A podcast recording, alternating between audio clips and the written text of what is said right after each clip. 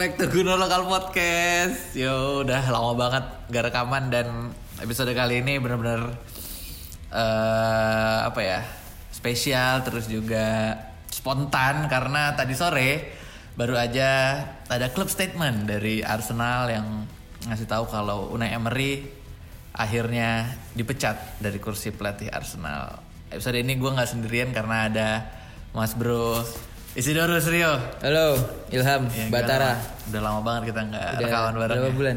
Dua. Gak tahu, gue juga udah lama gak update sih. Eh, gue terakhir udah lupa juga episode Terakhir kita episode yang itu. eh preview ya kayaknya. bukan, bukan. Hmm, soal Emery juga. Oh, iya. Kayaknya yang bukan yang pantau Emery sih. Iya, yang pantau Emery. Oh iya iya iya pantau Emery. Ah, Iya benar, ingat gue. Itu lumayan tuh yang dengar Masih itu. di kantor IDN yang lama. Iya, ya, di sini ini mungkin kalian kalau dengar eh, kualitas suaranya mungkin lebih lebih jernih, lebih beda karena kita rekamannya udah di tempat yang kedap suara. Iya. Ini studio baru IDN Times. Minjem sih kita. Kita Terima, minjem. terima kasih IDN Times. Semoga sukses selalu dan profit. Oke, langsung aja kita bahas Bang nih. Tadi udah diumumin bahkan sebelum diumumin mungkin eh, satu hari ini ya semenjak tadi subuh kan kita barusan kalah lawan Frankfurt. Setelah itu Twitter langsung rame banget. Udah saatnya pecat Emery, pecat Emery. Cuman mulai langsung ramenya pas Ornstein nge-tweet. Yeah. Eh bikin artikel ya. Iya Iya, sekalian nge-tweet juga. sih. Eksklusif. Eksklusif. Eksklusifnya Kalau dalam hari ini Emery bakal dipecat sama Arsenal. Itu tadi gue juga tweet kalau euforianya ini hampir sama kayak waktu Ozil mau di didatengin sama Arsenal. Itu kan itu kan apa ya hari-hari terakhir transfer terus juga orang tuh udah hopeless lah kita aduh masa nggak datengin pemain bintang nih karena kan tahun itu yang datang tuh si siapa ya waktu itu ya? Pokoknya nggak ada pemain bintang 2012. Nah akhirnya Ozil datang dan euforianya bersama dan semua tuh kayak bersatu kan, nggak ada yang terpecah, nggak ada yang anti anti apa sih namanya yang kayak dulu Wenger ada yang pro ada yang anti Wenger. Cuman sekarang benar-benar semua ngedukung Emery buat cabut lu gimana perasaannya apa emang lu udah nunggu-nunggu dari awal karena kan dulu gue lihat dari semenjak kapan sih yang lu nge-tweet ini Semenjak kalah eh imbang. Oh, imbang lawan- dua-dua lawan Southampton. Southampton ya? Eh dua-dua apa satu-satu ya? Dua-dua, sama dua-dua, ya. dua Dua, sama. sama. Semenjak itu. Heeh. Semenjak- cuman lu udah ngikutin dari tadi sore emang Iya. Jadi kan gue tuh punya dua akun Twitter. nah Satu akun ya akun personal, satu tuh memang akun buat istilahnya buat pekerjaan. Karena gue sport base, jadi akun itu memfollow semua yang terkait olahraga. Uh, oh ini Sepak bukan bola. alter ya? Bukan, sepak bola, basket, semua sih, badminton semua yang gue cover. Pokoknya relate sama pekerjaan gue sehari-hari. Heeh. Dan di akun itu gue ada notif.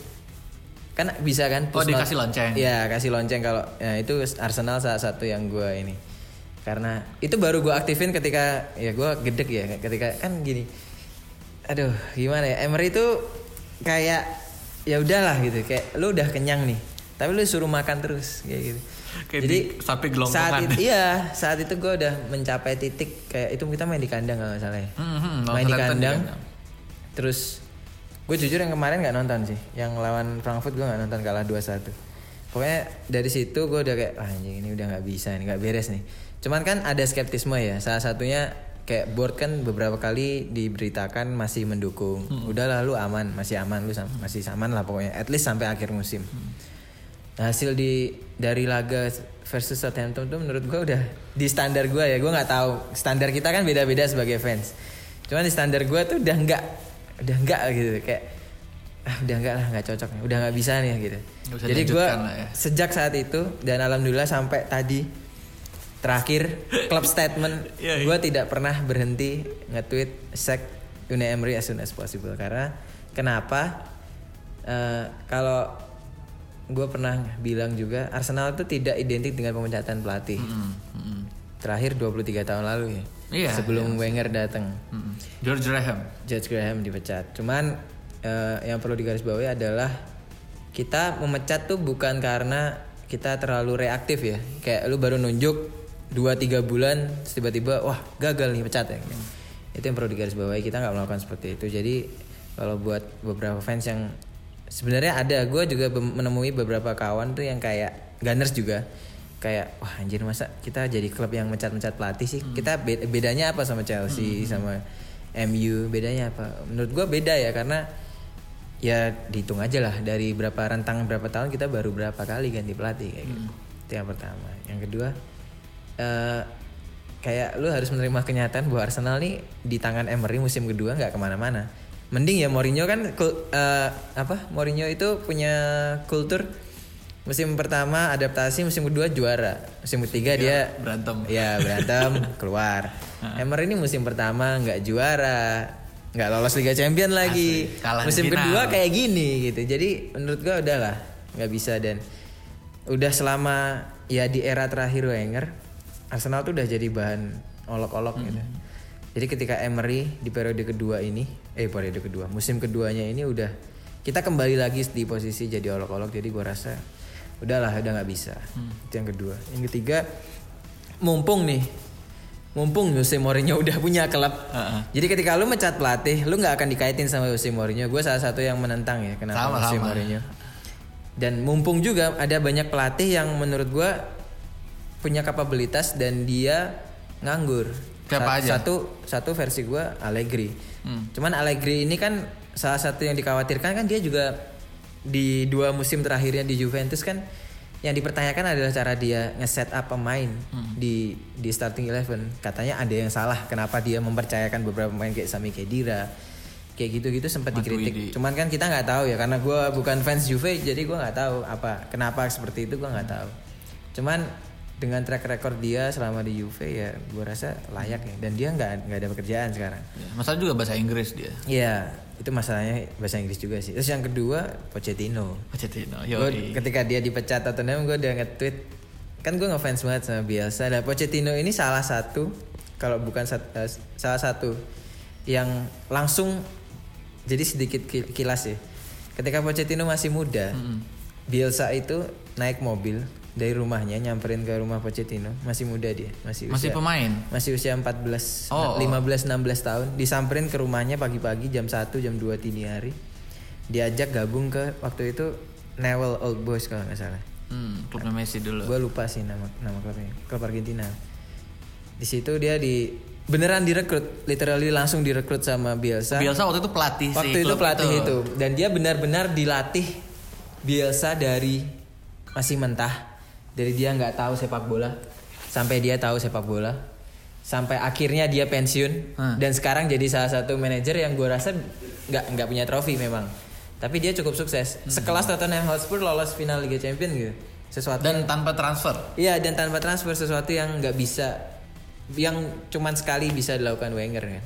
2004 2005 eh sorry 2005 2006 jadi gua rasa Pochettino salah satu murid terbaik biasa dan ya udah momennya pas gitu jadi ya udah lu harus mencat makanya gue bilang saat itu mulai detik ini setelah postingan itu kan gua akan nge-spam apa pun yang di tweet Arsenal walaupun gua ketiduran kayak atau gua akan tetap nge-spam Hire Kalau- Pochettino. Iya. Eh enggak, Shaq Shaq Uni Emery. Nah, Oh. kalau soal Hair Pochettino enggak lah kayaknya. Enggak ya. Itu gue ya. enggak semilitan Ah, itu. Tapi kan eh, sebenarnya butuh waktu berapa lama lagi sih? Ini kan dikasih ke Freddy nih, dikasih ke Liungber. Kita kan juga pernah bahas kalau Liungber ini sebenarnya untuk jadi penggantinya Emery juga eh, nggak sepenuhnya capable lah. Karena kan dia juga belum pernah ngelatih tim senior.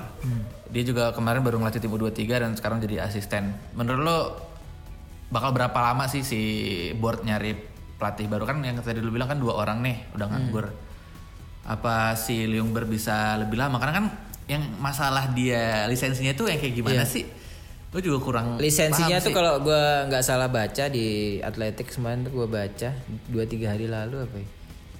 Itu dia cuman dia kan nggak punya lisensi penuh nih. Dia cuman bisa kalau memang jadi caretaker sampai akhir musim. Dia cuman bisa sampai akhir musim. oh Jadi setelah itu mau nggak mau lu harus nyari karena dia nggak akan bisa kecuali dia di sela dia menangani klub itu sampai akhir musim dia ikut kursus which is itu nggak susah ya karena kan dia juga harus training harus ngurus klub kan nggak mungkin apalagi klubnya sekelas Arsenal gitu yang lu masih nggak bisa kebagi dua iya gitu. nggak bisa bagi dua kecuali kalau lu main di Indonesia ya lu bisa Lu Banyak banget itu. Iya. Lu Banyak bisa banget. gitu. Nah, kita nggak bisa. Itu masalah masalah masalah kenapa Yumbek. Terus yang kedua ya masalah pengalaman juga sih. Hmm. Dan jujur kan kita juga nggak tahu ya kapabilitas taktiknya Yumbek tuh kayak gimana. Hmm. Kalau dia mengenal personal pemain iya beberapa pemain muda kan pernah sama dia. Statusnya sebagai legenda klub juga ya lumayan lah. Hmm. Cuman kan di era seperti sekarang tuh romantis kayak romantisme kayak gitu tuh udah Nggak kemakan lagi. Iya, kita kita kalau memang ini ini opini juga juga ya kalau memang kita mau berangkat dari romansa romansa seperti itu sekalian aja nunjukin eh nunjuk Mikel Arteta gitu Mm-mm. karena gue kemarin lihat video dia yang juga di retweet banyak orang yang dia ngejelasin soal taktik gitu. Nah ya ya soal gue. overload wide areas gitu-gitu. Third man run itu kan bagus. Dan itu menunjukkan ya kayaknya dia learn a lot sih dari Pep. Jadi gue rasa kalau memang dia pensiun di Arsenal mantan kapten Arsenal ya why not? Kalau memang kita mau main romansa ya sekalian aja Mikel Arteta. Jangan Freddy Ljungberg tapi untuk ya mungkin berapa lama nyarinya kasusnya agak beda ya sama Tottenham ya kayaknya Tottenham itu emang ketika dia mencat Pochettino tuh si Daniel Levy udah tahu dia harus ngambil siapa Ah. Nah kalau ini gue nggak tahu nih apakah Josh Kroenke sama Sanley ini udah tahu nih after this mereka mau ngapain karena ini fase krusial kan menurut Iya gue. iya. Fase ini krusial karena untuk pertama kalinya sejak 96 Arsenal mencat pelatih dan eh, untuk pertama kalinya juga mereka akan dihadapkan fakta. Karena kalau mereka gagal terus mencari pengganti yang suitable setelah Emery mereka akan punya tantangan baru. Ya desakan dari supporter itu nanti. Kalau ya amit-amit ya pelatih penggantinya Emery ini jelek akan ada riak-riak juga kayak ya apalah out out out dan lain sebagainya. Dan itu akan jadi bukti kegagalan manajemen kayak yang dialami Manchester United. Bahkan sampai saat ini ya ketika mereka nunjuk oleh Gunnar Solskjaer gitu. Jadi dari kasus itu gua rasa Arsenal harus belajar banyak ya karena ya setelah semua berakhir what's next itu yang harus jadi pertanyaannya jadi itu sangat filosofis sih sebenarnya cuman ya kita serahkanlah ke sana Iya. Dan sekarang pun kalau lihat apa ya sepak bola yang sekarang pasti pelatih-pelatih yang bakal lama kayak Ferguson, kayak Wenger tuh udah nggak akan Agak ada lagi ya. agak langka. Pasti kan orang eh, klub-klub sekarang mungkin orientasinya ya udah lo lima tahun, maksudnya di kontrak tiga ya kayak Emery lah di kontrak kan tiga tahun. Lalu dalam tiga ta- apa setahun atau dua tahun pertama lu bisa kasih apa? Kalau emang lu nggak bisa kasih apa-apa ya lu cabut. Mungkin kita pun bakal sering lihat Arsenal mencat pelatih setelah ini. Hmm. Ya di samping mungkin kalau misalnya oke lah Pochettino diambil, Pochettino diambil dia dapat gelar 1-2 di dua musim pertama, tiba-tiba musim 3 ke 4 dia jelek. Pasti kan kita sebagai fans akan muncul lagi nggak sih yang kayak gini kan? Yang udah Pochettino jelek, udah kada luar taktiknya apa segala macam pasti ada selalu ada alasan kan dan gua rasa kita nggak akan lihat lagi pelatih-pelatih yang lama kayak Ferguson, kayak Wenger di era ini sih. Eh, kalau gue berpendapat sih gini sebenarnya. Kalau kita mencermati Ferguson sama Wenger kan salah satu kenapa mereka bisa bentuk suatu rezim ya katakan Rezim. kan rezim kayak Soeharto Iya, gitu. iya, iya. udah lama banget kenapa? Karena mereka konsisten. Ferguson Wenger kan konsisten tidak konsisten juara. Konsisten di papan atas. Jadi Hmm. standar klub itu tidak turun nggak nggak turun sama sekali gitu. Wenger kemudian step down ketika akhirnya dia menerima fakta wah anjir gua nggak lolos Liga Champions nih untuk setelah Dua 17 tahun apa 18 tahun ya berturut-turut kan gua nggak lolos nih. Dua, dua, dua kali. Dan itu jadi salah satu mungkin mungkin ya mungkin yang bikin dia anjir gua udah habis nih. Kayak gitu. Nah kalau berbicara konsistensi itu sebenarnya Pochettino itu kan bersama Spurs nggak pernah finish di luar empat besar ya? Hmm, hmm. dan kalau dibilang musim lalu, ya musim ini berantakan sih. Gua nggak tahu sih kenapa. Eh, ada mungkin ada faktor kebijakan transfer, ada faktor jenuh juga kan. Dia udah dikaitin pindah banyak kan sama MU Madrid. Terus bintang-bintangnya udah kayak Erikson malas perpanjang kontrak, Vertonghen ada World gitu. Jadi dan dia kehilangan Hugo Lloris tuh sampai Januari atau Februari kan, iya, pas Feb- September kemarin. Jadi gua rasa itu faktor-faktor yang mungkin bikin dia ya kayak stuck gitu kayak "Ah, anjir mau gimana nih gue ya udah akhirnya dipecat. Nah kalau nih if only ya, if only kita dapat Pochettino, gue rasa eh, apa ya dia punya kapabilitas taktik yang oke itu kita harus ngakuin nih. Gue juga mengakui itu. Gue beberapa kali nulis profilnya Pochettino pakai pendekatan taktik juga dia memang punya kriteria taktik yang oke. Terus ada satu hal yang dari Pochettino tuh yang gue suka. Eh, jadi ada gue pernah nulis di fandom kalau nggak salah. Pochettino tuh ditanya satu wartawan, kenapa lu nggak punya medsos gitu? Bagi saya nggak penting punya 5000 followers karena Indian yang matter buat gue tuh cuma sepak bola. Jadi itu menurut gue, woi oke juga nih orang. Jadi gue suka nih orang-orang yang kayak agak lebih sih. Cuman menurut gue gue gue pernah nih ditanya sama cewek gue kan. Lu mau malam minggu lu mau nonton bola apa jalan? Gue pasti bilang nonton bola. Nonton bola. pas ya mungkin akan ada kompromi mungkin ya udah gue melewatkan lah satu match di jam 7 kayak match apa yang nggak jelas. Pokoknya tapi kalau ada Arsenal gue pasti langsung pulang jadi mengakhiri kencan dan lain-lain. Karena bagi gue ya ketika lu intuit sama sesuatu Ya, akan apa pun yang lu kerjain. iya apa pun itu itu namanya passion gitu. Dan Pochettino punya itu gitu. Jadi gue nggak tahu ya Emery punya itu apa enggak kalau Wenger sih jelas punya itu orang dia cerai sama istrinya gara-gara Arsenal kan Iya, kayak gitu. Jadi gue rasa Pochettino layak sih. Cuman kan pernah ada di mana sih independen atau standar ya gue baca dia mending jadi petani daripada ngelatih Oh, Arsenal iya. Ya, semoga Ya, itu kan waktu dia masih jadi pelatih Spurs. Biasa lah. Kalau kan kalau lu punya pacar, Iya. ya, wah gue nggak akan lah sama gitu. Ah, Biasa. sama kayak Iya. Mourinho juga kan waktu Iya. dia di Chelsea. Tapi ya semoga dia berubah pikiran sih. Karena jujur gue berharap Pochettino. Atau kalau enggak, kalau enggak dia ya salah satu pelatih dari Jerman lah, sama Oh, iya. Arteta. Opsi terakhir Arteta sih. Karena kan yang lebih sebenarnya yang lebih mungkin juga Pochettino sih karena Iya. dia nganggur. Anggur. Gue juga waktu Dan denger kayak kayak gini loh. Kalau nggak gini, gue membayangkan dalam saat eh, kayaknya musim ini susah.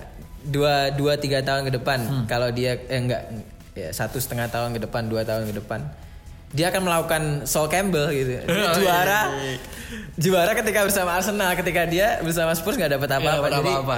ada rasa, wih anjir kayak wah mamam loh kayak. gitu. Iya, iya balas ini ya. Dan ketika. Spurs ditangani Jose Mourinho. Iya, bener banget. Gue membayangkan itu kayak wah anjir. Sebenarnya ada nilai-nilai plus Iya, lain. Apalagi kan gitu. ini emang bener-bener apa ya?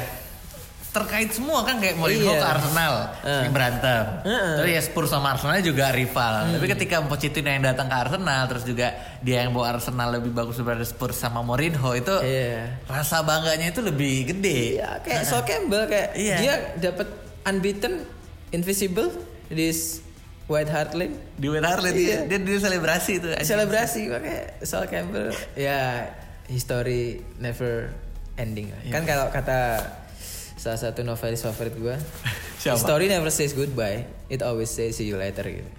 Jadi ya udah kita lihat aja sih nanti. Hmm, gue juga yang waktu ada berita muncul si pelatihnya Wolves Wah, dikaitin ke Arsenal tuh sedikit ini apaan sih? Lu ada yang nganggur nih ada Pochettino yang nganggur. Yang bahkan gue bilang kelasnya lebih bagus daripada Nuno Espirito Santo ya. Karena kan lu lihat klub-klub yang dilatih si Nuno sama kayak si Emery Iya, Valencia iya, sama. terus juga Wolves. Jadi kelasnya kan emang beda. Sementara kan si Pochettino pengalaman di Inggris juga lebih banyak. Sebelum di Spurs kan Iya, dia di Southampton. Oke juga. Heeh. Kalau Espirito tuh tadi ada yang tanya kayak bang lu kok nggak pernah nggak sih bahas sama gubernur lokal soal pelatih Wolves tuh gue kayak eh, mungkin kemakan rumor ya dari Kemakan media rumor banyak. media Inggris ya salah satu yang dirumorin emang Nuno Espirito cuman ya gue sepakat sih sama lu kayak ya itu kelasnya kelas Emery juga gitu. Iya. cocoknya ya bersaing di 6, 7, 8 itu Ah, sebuah bener. achievement yang Ya, sama oke. Everton sama West Ham cocok lah dia. Ah, jadi ketika lo bersaing untuk di empat besar kata minimal ya empat besar wah, susah sih nggak nggak nggak nggak nggak nggak punya mentalitas itu gitu Mhm. kan mentalitas itu juga mempengaruhi ketika lu set up pemain nyiapin starting eleven taktik itu karena kalau lu mentalnya kayak Emery di tahun kedua ini kelihatan banget gitu jadi janganlah Iya, itu juga kalau Emery itu emang Anji tadi itu kan viral kan yang Hmm. kita udah ketinggalan 2-1. Dia lagi-lagi masukin DMF. eh ya Masukin Torreira, ya? Torreira. Nah, Sementara Lacazette sama Pepe ada di bench. Ini kan ya di bisa- out of context Arsenal itu Iya kan iya Akhirnya, iya ya, bener ya, di ya. college tuh foto-fotonya kan apa ya keputusan-keputusan kayak gitu yang akhirnya bikin si Emery dibenci kan sama Iya. fans Arsenal kan. Sebenarnya gue juga nggak bilang Emery jelek sih, dia oke tapi nggak cocok untuk Arsenal aja. Iya, dia nggak berani, dia tidak seperti meriam. Mm-mm, Jadi dia ini dia nggak menggambarkan meriam sih sebenarnya kayak, aduh, Oh pestol air ya. kayak ini eh, petasan yang kena air. Jadi kayak udah nggak bisa meletus. Jadi ya udah gimana ya? Ya udah, goodbye. gitu. Tapi eh, apa ya pengumumannya juga ini gue bilang kelamaan sih ya nggak sih. Gue bilang harusnya waktu kita kalah lawan Sheffield tuh Oh satu kosong. satu kosong tuh sebenarnya udah Iya sih. Udah puncaknya sih bang. Gue karena nggak nonton sih sebenarnya saat itu, jadi gue belum merasakan gendeknya. Anjing, lu terakhir nonton yang mana sih yang? Gue terakhir nonton Southampton. Oh tapi sebelumnya lu nggak nonton juga. Sebelumnya nonton, cuman yang khusus match Sheffield nih gue nggak nonton. Ingat gue, gue nggak nonton. Ah, itu hancur banget sih. Terus eh, kita sempat menang kan? Eh enggak ya, imbang. kita, sempat belum pernah menang tujuh Iya pertandingan. tujuh cuy. pertandingan kita nggak menang. Terus Southampton ini gue nonton lagi kan kayak, aduh. karena di kandang. di kandang. Terus kan kita pernah kalah kok lawan Lawan Leicester. Iya lawan Leicester. Sebelumnya kita kalah lawan 2-0 Leicester. kan. Ha-ha. Ini untuk pertama kalinya nih. Kita ketemu tim sekelas Leicester ya.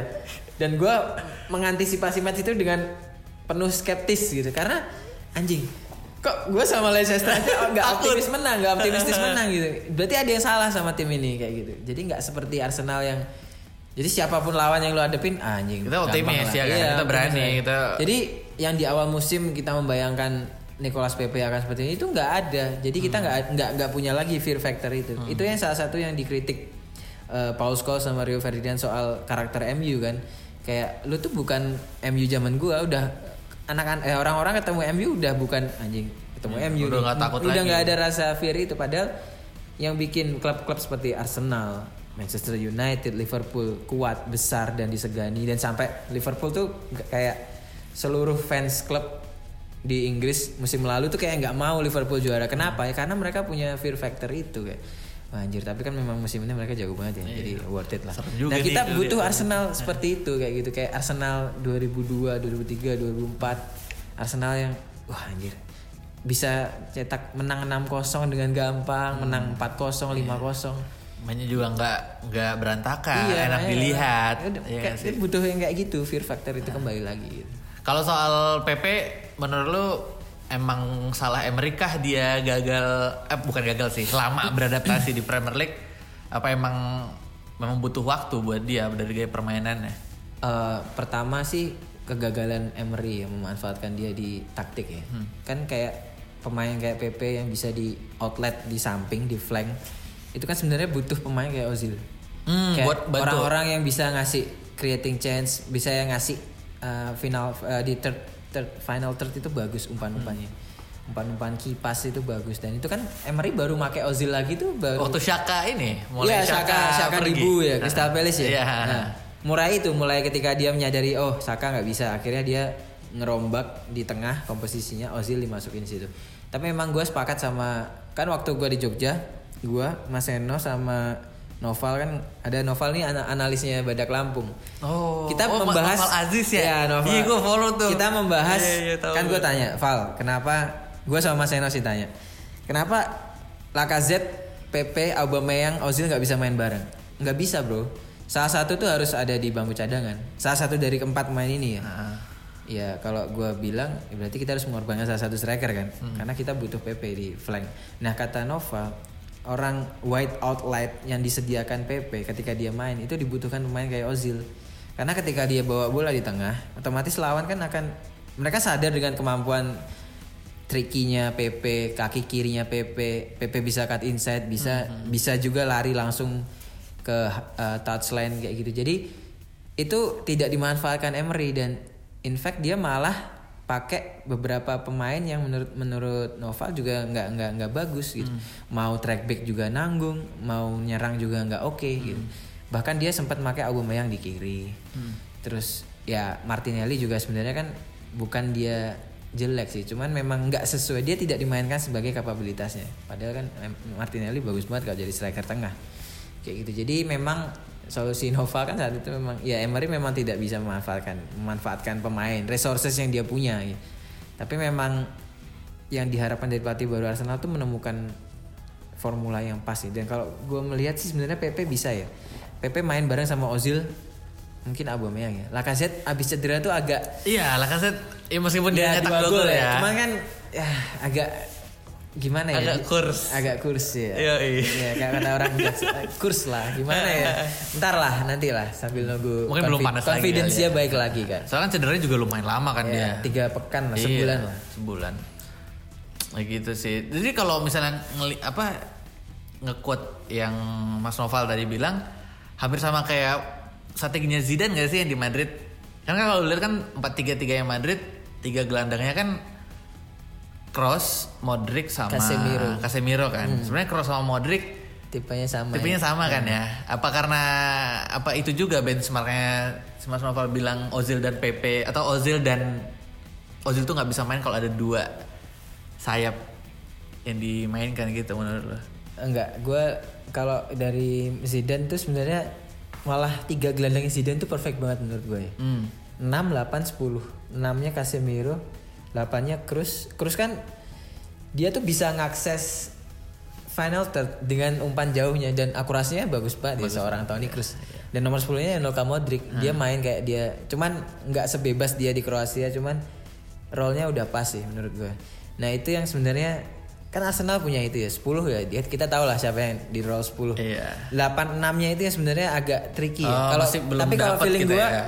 Sebenarnya Gendosi sama Torreira karena Ceballos juga setelah September tuh agak turun kan cedera juga kan hamstring nggak salah Oh.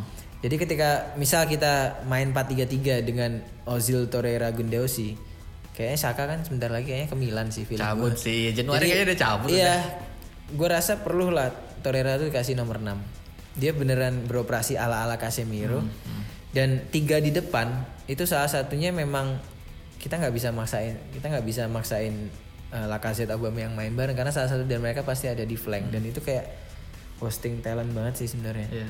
kayak gitu Apalagi Auba ya. Auba kan emang harusnya dia di tengah sih. Iya.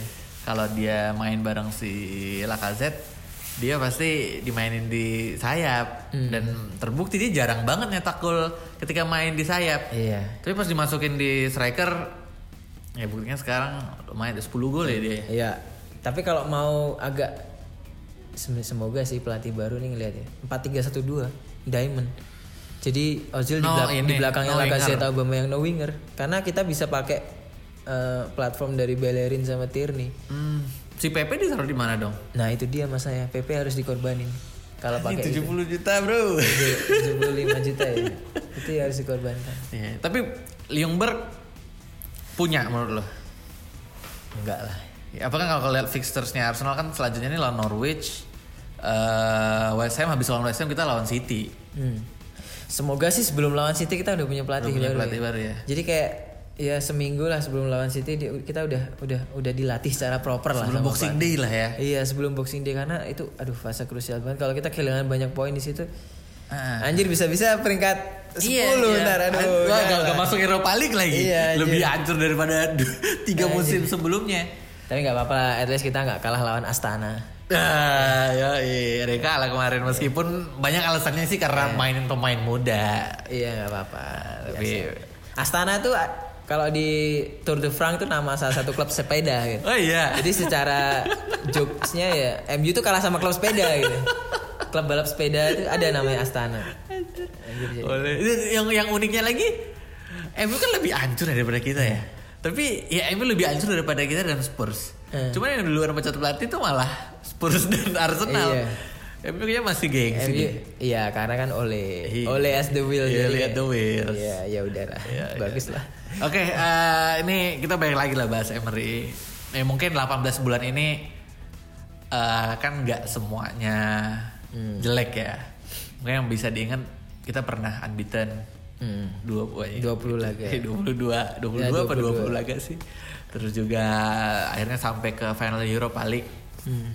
kan Wenger nggak pernah nih sampai final Europa League kalau dari lo ada nggak momen yang kayaknya momen best momennya Emery lah di Arsenal kalau dari lo ya dari 18 bulan inilah Ada sih. Ya itu dari 20 sekian laga Hmm. yang nggak terkalahkan itu sebenarnya itu sempat mengembalikan optimisme lagi ya kayak Hmm, jadi kan kayak penyegaran gitu kan setelah Wenger yang outdated kayak gitu tiba-tiba kita dapat Emery yang segar kan waktu itu dia emang seger banget kan. Hmm. Iya. ide-idenya tuh seger gitu. Bellerin jago banget tiba-tiba. Holding tiba-tiba jadi holding. nih. Terus jadi wah gila itu jago banget jago banget sumpah. Iwobi kelihatan bagus banget. Kayak gitu Ramsey masih ada. Cuman memang eh, ada beberapa apa ya yang kan dia sempat bilang kayak Ramsey itu nggak ada di plan dia. Itu sebenarnya kayak oh itu sebenarnya ada riak-riak kecil kayak gue gue kayak melihat anjir kok lu nggak bisa sih ngoptimalin cuman kan itu kembali ke selera pelatih juga ya sebenarnya. Waktu itu gue berpikir seperti itu. Eh, apa sih bahasa Arabnya? Husnuzon ya? Gue iya, nggak iya, mau suzon, suzon. Gue nggak mau suzon. gue husnuzon. Jadi oh ya udah mungkin. Ah ternyata beneran ampas gitu tapi memang eh, tiga bulan empat bulan awal Emery itu bagus. Kayak ada penyegaran secara taktikal. Hmm. cuman ketika Setuju. Iya, itu empat bulan awal sih. Sama menuju eh, satu match lagi yang menurut gua penting banget itu memorable banget itu menang di kandang Valencia. Hmm, 4-2 ya. Iya, 4-2 kita kalah duluan terus comeback. Kita kalah 1-0 dulu terus 3-1, 3-2, 4-2. Aubameyang hat trick. Hat trick itu- pertama Aubameyang bersama Arsenal. Itu seru banget Dan sih itu sebenarnya gue mengapresiasi kenapa karena nggak seperti biasanya Emery itu berani all out gitu kan. Jadi ketika Hmm. udah kayak yaudah lu main lepas aja gitu dan Arsenal tuh Dan itu keadaannya kita tertinggal kan. Iya, itu cair banget, fluid banget, enak dan itu kita lolos ke final. Cuman ya kemudian amburadul ya sama Eden Iya, Hazard. asli. Kayak gitu aja. Itu ada dua momen itu sih sebenarnya. Cuman sebenarnya kalau gua to be honest eh, Emery itu downfallnya juga karena cederanya Bellerin Holding sih. Kenapa dia kemudian dia kesulitan mencari mencari pemain-pemain untuk melapis dua pemain ini ya. Dia maksa Ains, Ainsley Maitland-Niles di situ. Terus dia kemudian harus make Musta eh, sorry. Waktu itu masih Mustafi sama Mustafi sama Sokratis. Papa. Iya, waktu itu ya. Jadi ya kita tahu semua Mustafi musim lalu kayak apa gitu. Jadi apa sih Emery di situ. Jadi Iya. ada downfallnya itu karena itu. Cuman kalau memorable buat buat gue ya itu empat bulan pertama sama road to final Europa League itu. Iya sih. Dan kita juga harus apresiasi Emery lah gitu. Dia berani ngambil eh, apa ya tanggung jawab dari sebuah tim Satu yang- lagi yang harus gue syukuri Matteo Guendouzi. Itu, Wah, kan-. Itu kan ber- berkat dia. Jadi Windows sih ya. Gara-gara Miss Lintat juga sih. ya. Miss Lintat juga sedih tuh kenapa dia. Tapi Emery yang memberi kepercayaan ke Guendouzi. Hmm. Terus juga gue ada nggak setuju kan banyak fans yang bilang kalau Freddy yang ngelatih pasti bakal banyak pemain muda yang dikasih kepercayaan. Padahal kan Oke Emery juga banyak banget Hmm, kan. banyak banget. Banyak banget tuh waktu lo Europa League juga yang nggak kenal juga tiba-tiba jadi Bukayo Saka tuh yang ngasih Iya. Emery loh. Emery. ha, ha. Jadi ya pemain-pemain itu mungkin dalam lubuk hati mereka kayak berterima kasih ya cuman ya udah. Banyak tadi yang udah nge-tweet gue lihat baru si Martinez. Martinez. Emiliano, Emi Martinez. ya dia berterima kasih dan minta maaf kalau akhirnya performa kami lah yang membuat kita harus berpisah. Anjing, sedih banget. Emang Kayaknya ini Spanish ya. connection, Spain connection. Padahal dia orang Argentina kan. Oh dia Argentina, Argentina, ya? Emi Martinez. Latina, Ah, Latin iya, Latin sih. Makanya kayaknya dia yang paling terpukul. Eh, karena mungkin di pelatih baru dia dibuang. Iya. Coba em, Martinez tuh dari Emiliano tuh dari dia wonderkid sampai sekarang udah 26 atau 27 ya. Dua enam ya. Baru ini dia jadi kiper kedua. Ah, Selama ini dia kiper ketiga dipinjemin lagi, kiper ketiga dipinjemin lagi.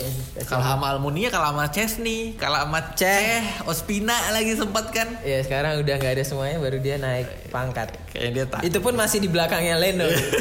Kayaknya dia gitu buat jilat Emery nih. Iya. Wah, Emery ke mana nih? Ntar mana tadi dia mau ngerekrut gua ya kan. Wah, jadi kiper kedua aja. Kiper kedua. Emang sedih banget sih Martinez. Oke, eh tadi kan lo bilang Pochettino ya dari lo ya yang kayaknya bakal jadi pelatihnya dan emang iya sih nggak ada pilihan lagi sih pelatih-pelatih yang lain. Arteta Arteta kan pasti lebih susah dapetinnya. Terus juga Espirito Santo apalagi. Dia kemarin eh, tadi gue barusan ngeliat tweet dia udah bilang kalau dia nggak ada terima eh, kontak dari tim Arsenal buat mau ngerekrut dia. Jadi ya buat Gunners Gunners be apa ya apa kata si Josh Kroenke itu apa? Be excited. Be excited. be excited. Kayaknya excitingnya tuh bakal setelah ini sih. Iya. gue juga apa ya mungkin untuk Freddy kita nggak usah terlalu banyak berekspektasi karena kan kita tahu dia cuman interim Ya, juga caretaker lah. Kayak lu ngelihat Indonesia dilatih Yayan Tumena, ya jangan punya ekspektasi harap apa gitu. Nggak usah punya ekspektasi gitu. Kayak gitu sih. Nah, dan ini juga nggak lama kan ya syukur-syukur dia bagus dan kalaupun dia bagus juga gue nggak setuju Iya, sih dia langsung sama. diangkat kayak oleh Asisten dulu lah. ah, ah. Jangan latah. jangan lata kayak MU lah sebenarnya kan banyak juga yang ngaitin Arsenal kayak MU yang kayak lu bilang tadi apa-apa dipecat apa-apa dipecat tapi kan kalau lihat MU dia mencat itu malah Dari Salah dari sih. era Moyes dia Iya. sabar udah udah lama. Moyes tuh dia nggak sabar apalagi Van Hal Van Hal tuh gue bilang Van Hal itu menurut gua ya MU itu yang bikin Van Hal rek, eh, karir manajerialnya kelihatan jelek mediocre Iya. banget karena dia ngelatih MU. sebelumnya tuh dia bagus banget loh Padahal waktu di MU dia bisa maksimalin Blin sama Van Persie. Cuman emang MU-nya aja yang yang emang bangsat. Makanya jadi kalau ada yang nyamain menurut gua kalau ada yang nyamain Arsenal dengan MU gue bilang enggak sih. Arsenal lebih mungkin kenapa Emery lama dipecat ini Lebih berhati-hati. sih. iya lebih berhati-hati. Dan Arsenal ini kan klub yang value-nya VCC, Victoria True Harmony, Concordia Crescent. Jadi kayak ya apa pun itu Indian tetap harus kembali lagi ke hal-hal yang berkaitan sama dignity, etika. Ya gitu. Jadi itulah kenapa eh, buat ke depan ini yang gue berharap dari board itu lo tuh benar-benar harus hati-hati menentukan siapa selanjutnya. What's next itu krusial banget sih menurut Gimana tadi quote lu? gue tuh kalau tiap ini eh, sebelum sebelum sama yang sekarang ya gue selalu kalau kalau putus nih gue selalu berpikir bahwa bukan bukan masalah move onnya. Kita pasti move on gitu. Apalagi kalau kita putus dari orang yang nggak terlalu worth it kayak Emery ya kita akan cepat move on cuman kan masalah krusial tuh gimana lu learn dari situ kan kayak what nextnya tuh lu akan dapat orang yang kayak gimana akan dapat pelatih yang kayak gimana dan itu yang krusial karena kayak gue bilang di awal biar kita tidak seperti Chelsea era sebelum Lampard, MU era sebelum ya, ya, MU era sekarang Sampai sekarang. sampai sampai juga era-era siapa ya? Barca Eh, mungkin. Barca mungkin Valverde kayaknya juga bakal nyusul Emery bentar lagi gitu. Jadi yang krusial itu what nextnya. Jadi kayak bener-bener harus dipertimbangkan. Jangan kan biasanya kalau anak muda nih ya habis putus langsung Iya. targetnya langsung wah anjir ngobati sakit hati ya harus jatuh cinta lagi gitu. Wah itu salah bro gitu. Menurut gua tuh salah Ini buat milenial sih Salah itu bro ini sebuah Ini dari ah, Ini loh Dari pekerja media milenial gitu Jadi Jangan senior. Enggak, ah itu jangan bro nggak, nggak kayak gitu ya Jadi harus benar-benar hati-hati Dan itu tugas beratnya Kronke sama Sanlehi Tapi kalau dia Sebenarnya gajah di pelupuk mata tuh emang kadang nggak tampak. Iya, iya. Ada Pochettino gitu. Cuman gue nggak tahu nih siapa yang kira-kira akan akan ditawarin kontrak gitu. Tapi semut yang di Iya, ujung semut di ujung di Sumatera. ternyata kelihatan malah dia yang di iya. hire oke lah Eh, thank you bang buat episode kali ini thank you juga buat dengerin semoga Arsenal setelah era Emery ini semakin baik dan sebenarnya gue pengen ngasih tau juga ke fans-fans Arsenal ya yang di Indonesia lah dan di luar negeri. Kita jangan apa ya jangan terlalu berespektasi tinggi lah sama si Freddy. Karena kan kita tahu dia juga nggak punya pengalaman yang gede. Jadi apa pun yang terjadi di mungkin di tiga bulan pertama ini ya tiga bulan pertama ini kalau memang dia jelek ya udah kita terima aja lah. Pasti kita berharapnya board tadi dapat pelatih yang cocok dan yang terbaik untuk tim kesayangan kita Iya. oke Tambahan nih. kan Apa lagi? Buat apa tadi?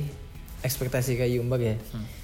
Kan sebagian besar Gunners pasti gue yakin support timnas Indonesia. Gitu. Jadi lu bayangin aja abis dari Simon McManamy, McManamy lu dapat Yayan Dumena gitu. Jadi Yayan tuh kan sekelasnya sekelas manajer operasional, bukan manajer bukan manajer taktik. Jadi ya lu jangan dia cuma ngurusin ini Iya. ya makan siang Iya, ngurusi operasional, kayak Operasional. kayak HRD gitu. Heeh. Jadi janganlah, jangan berharap. Dan tiba-tiba orang yang biasanya di HRD jadi pelatih gitu kan itu sesuatu yang jangan terlalu punya harapan lah kayak gitu. terutama ntar nih lawan Norwich karena kan cuma beda berapa hari doang kan Iya. asli Tiga lawan- hari, ya tiga hari. Nah, cuma beda tiga hari ya. Kalaupun kita kalah lawan Norwich ya, Ya udah. ya udah lah ya, nggak usah ribut lah di sosmed. Karena Indian kita sudah sukses melengsarkan MI. Betul. Karena yang penting itu dulu. Nah, yang yang tadi gue tweet kita yang penting selesaiin dulu toxic relationship Iya. ini. Iya, iya benar-benar. Kita cari. Gue eh, setuju tuh toxic relationship. Kita cari tujuan selanjutnya mau Iya. beli bawa ke mana nih Arsenal ini. Benar. Oke, thank you semua buat dengerin. Gue Ilham Betari Simatupang pamit. Gue si Dulus pamit. Sampai jumpa di episode selanjutnya. Bye.